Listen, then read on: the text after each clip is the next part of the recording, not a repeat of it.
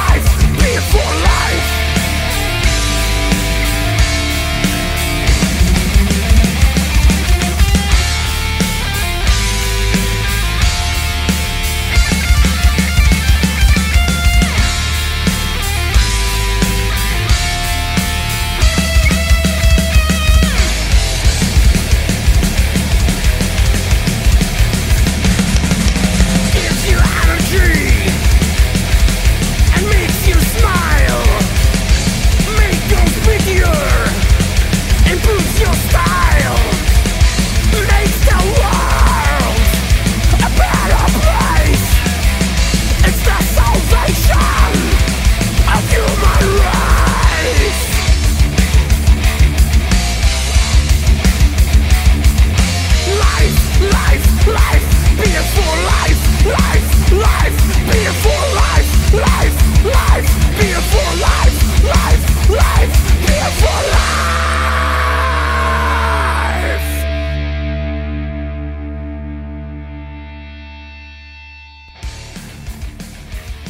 Acabamos de ouvir um pouco da sonoridade da autópsia.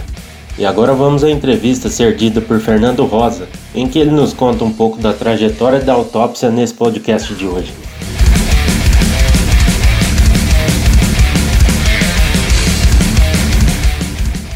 A entrevista de hoje é com Fernando Rosa, guitarrista e vocalista da Autópsia, thrash metal de Loures, Portugal. E aí, Fernando, tudo certo? Oi, Vanderlei, aqui tudo certo.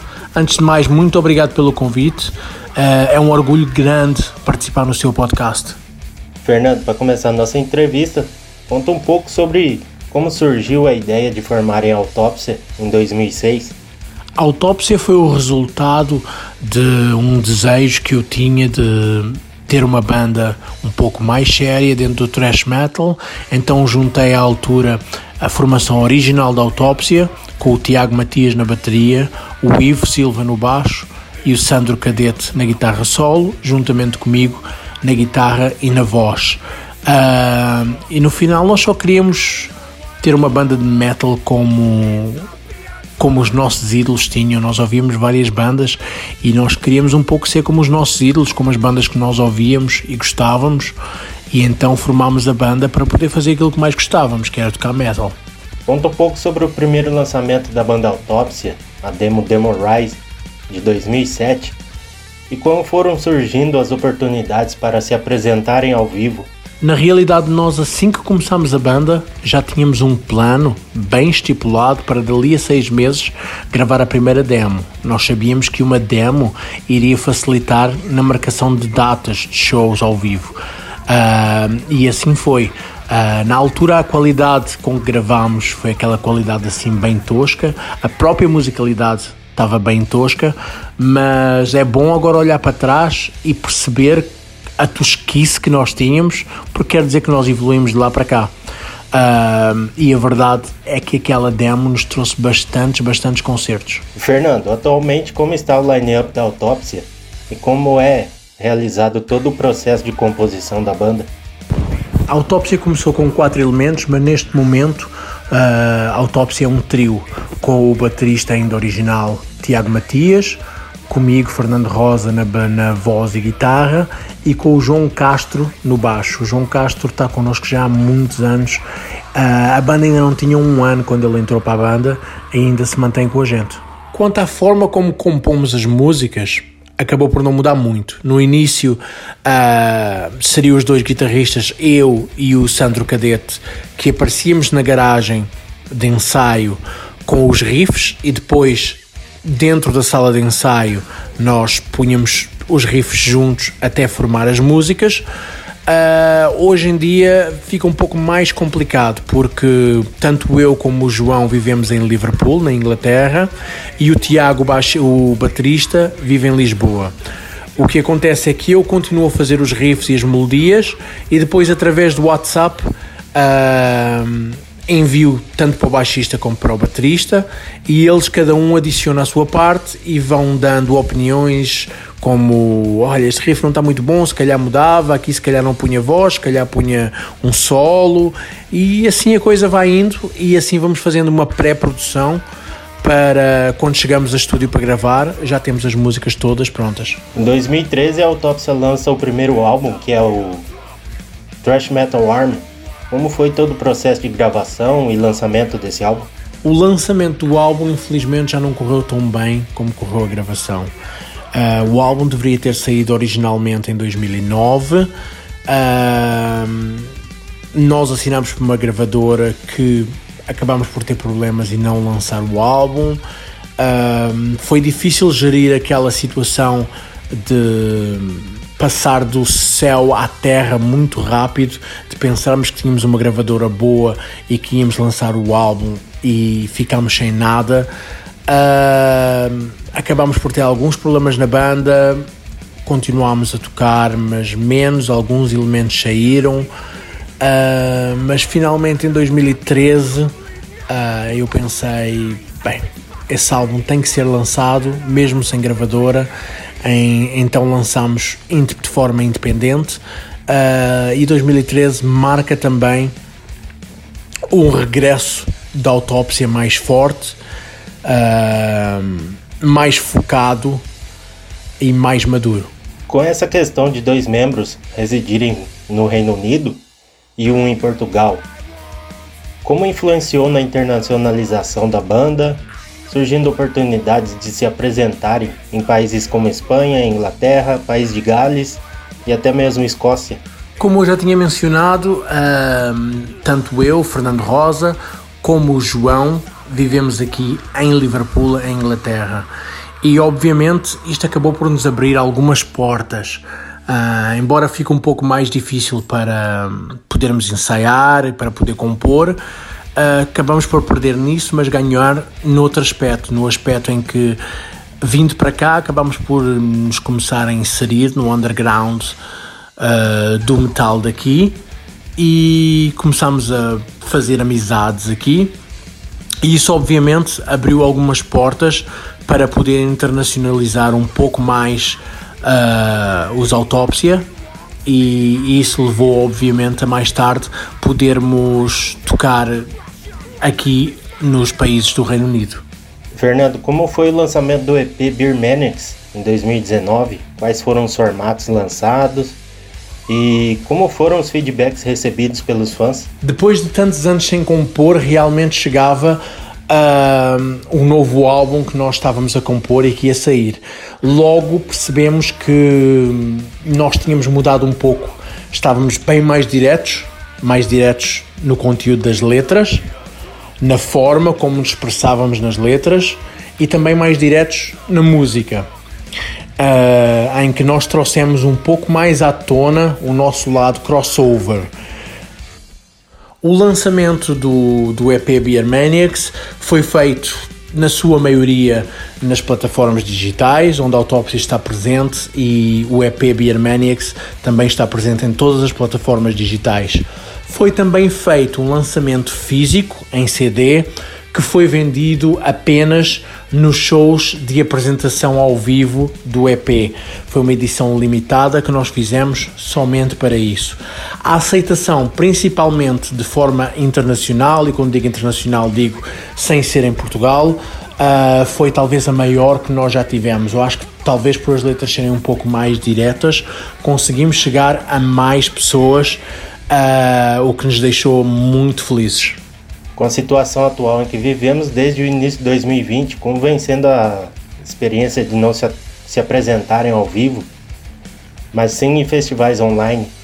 Óbvio que a situação atual da pandemia acabou atrapalhando um pouco os planos da autópsia, porque acabamos a segunda parte de shows de apresentação do álbum, nós acabamos por não poder fazer Uh, decidimos então seguir bola para a frente. Começámos a ter uma presença mais assídua em festivais on online, principalmente uh, no Brasil, também em Portugal, mas principalmente no Brasil. Uh, e estamos a aproveitar este tempo para poder compor então o que será o sucessor do EP Beer Maniacs. Estamos neste momento em fase de composição das músicas novas para o próximo trabalho. E para encerrar nossa entrevista, Fernando, quais são as novidades que você pode contar aos ouvintes do Long Live Metal ainda para 2021? Temos novidades muito boas, principalmente para o público brasileiro. Uh, durante a pandemia eu acabei por conhecer o Flávio Soares. Flávio Soares é o vocalista e baixista da banda Leviatão, uma banda com história no Brasil, e ele é também o dono da gravadora True Metal Records. Uh, nós acabamos por ter uma certa empatia. Eu conheci o Flávio depois dele postar, ele descobriu o nosso EP uh, ah, Beer Maniacs e ele postou nas histórias dele. E quando ele identificou a autópsia, Uh, nós acabámos por começar a conversar e esta conversa foi crescendo, a nossa relação foi crescendo de forma a que acabámos por assinar um contrato com a gravadora True Metal Records do Brasil para o lançamento, uh, provavelmente ainda este ano, de um novo trabalho em terras brasileiras.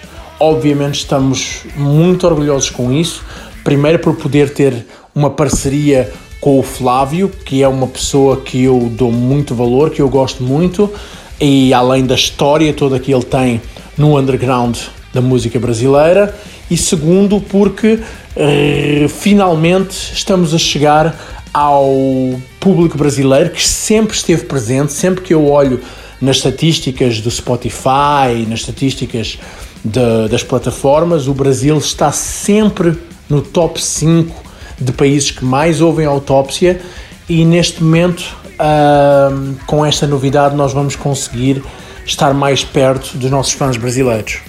Então estamos então neste momento a trabalhar nas músicas novas, uh, estamos em fase já bem avançada de composição, depois vamos passar à fase de pré-produção, uh, vamos trabalhar arduamente para conseguir fazer aquilo que queremos que seja o melhor trabalho de sempre da autópsia. Essa foi a entrevista com Fernando Rosa, guitarrista e vocalista da autópsia Thrash Metal de Loures, Portugal. Muito obrigado, Fernando. Grande abraço.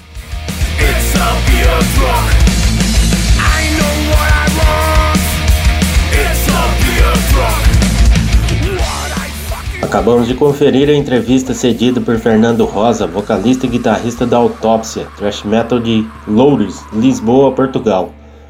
Nessa entrevista, Fernando Rosa nos contou um pouco sobre a banda nesses 15 anos de estrada, destacando o EP Birmanix, lançado em 2019, e um pouco sobre as novidades que está por vir ainda em 2021. E para encerrar o podcast da primeira edição da série Metal Union de 2021, Vamos ouvir mais um pouco do thrash metal da Autópsia com as músicas Portuguese Beer, One More Beer e Bofia do EP Beer Manics. Grande abraço e até a próxima!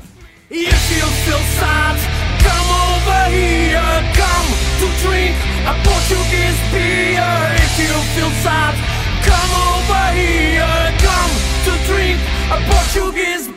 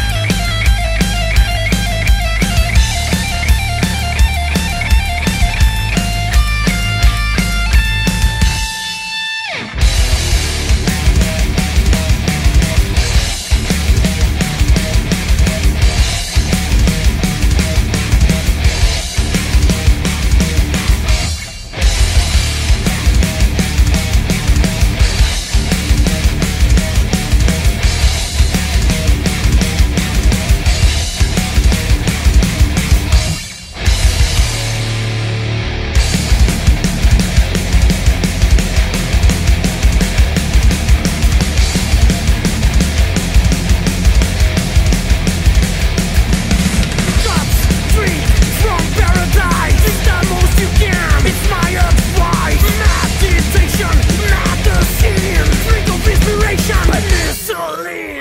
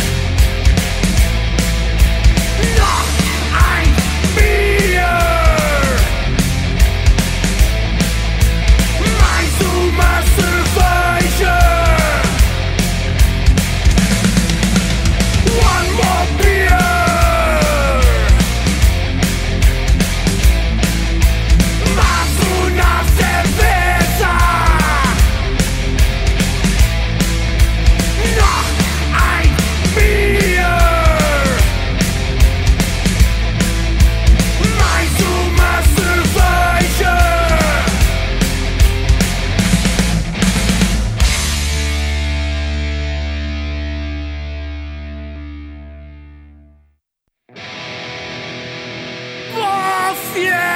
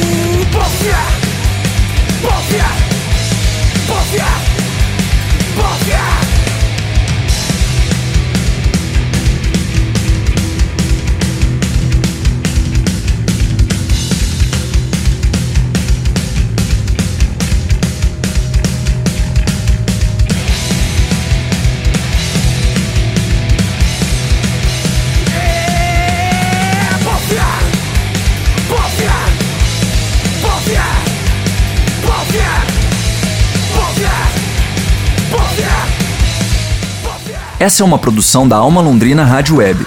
Produção radiofônica Teixeira Quintiliano, edição de áudio Thiago Franzin, coordenação da Rádio Web Daniel Thomas e apresentação Vanderlei Castro. Patrocínio do ProMic.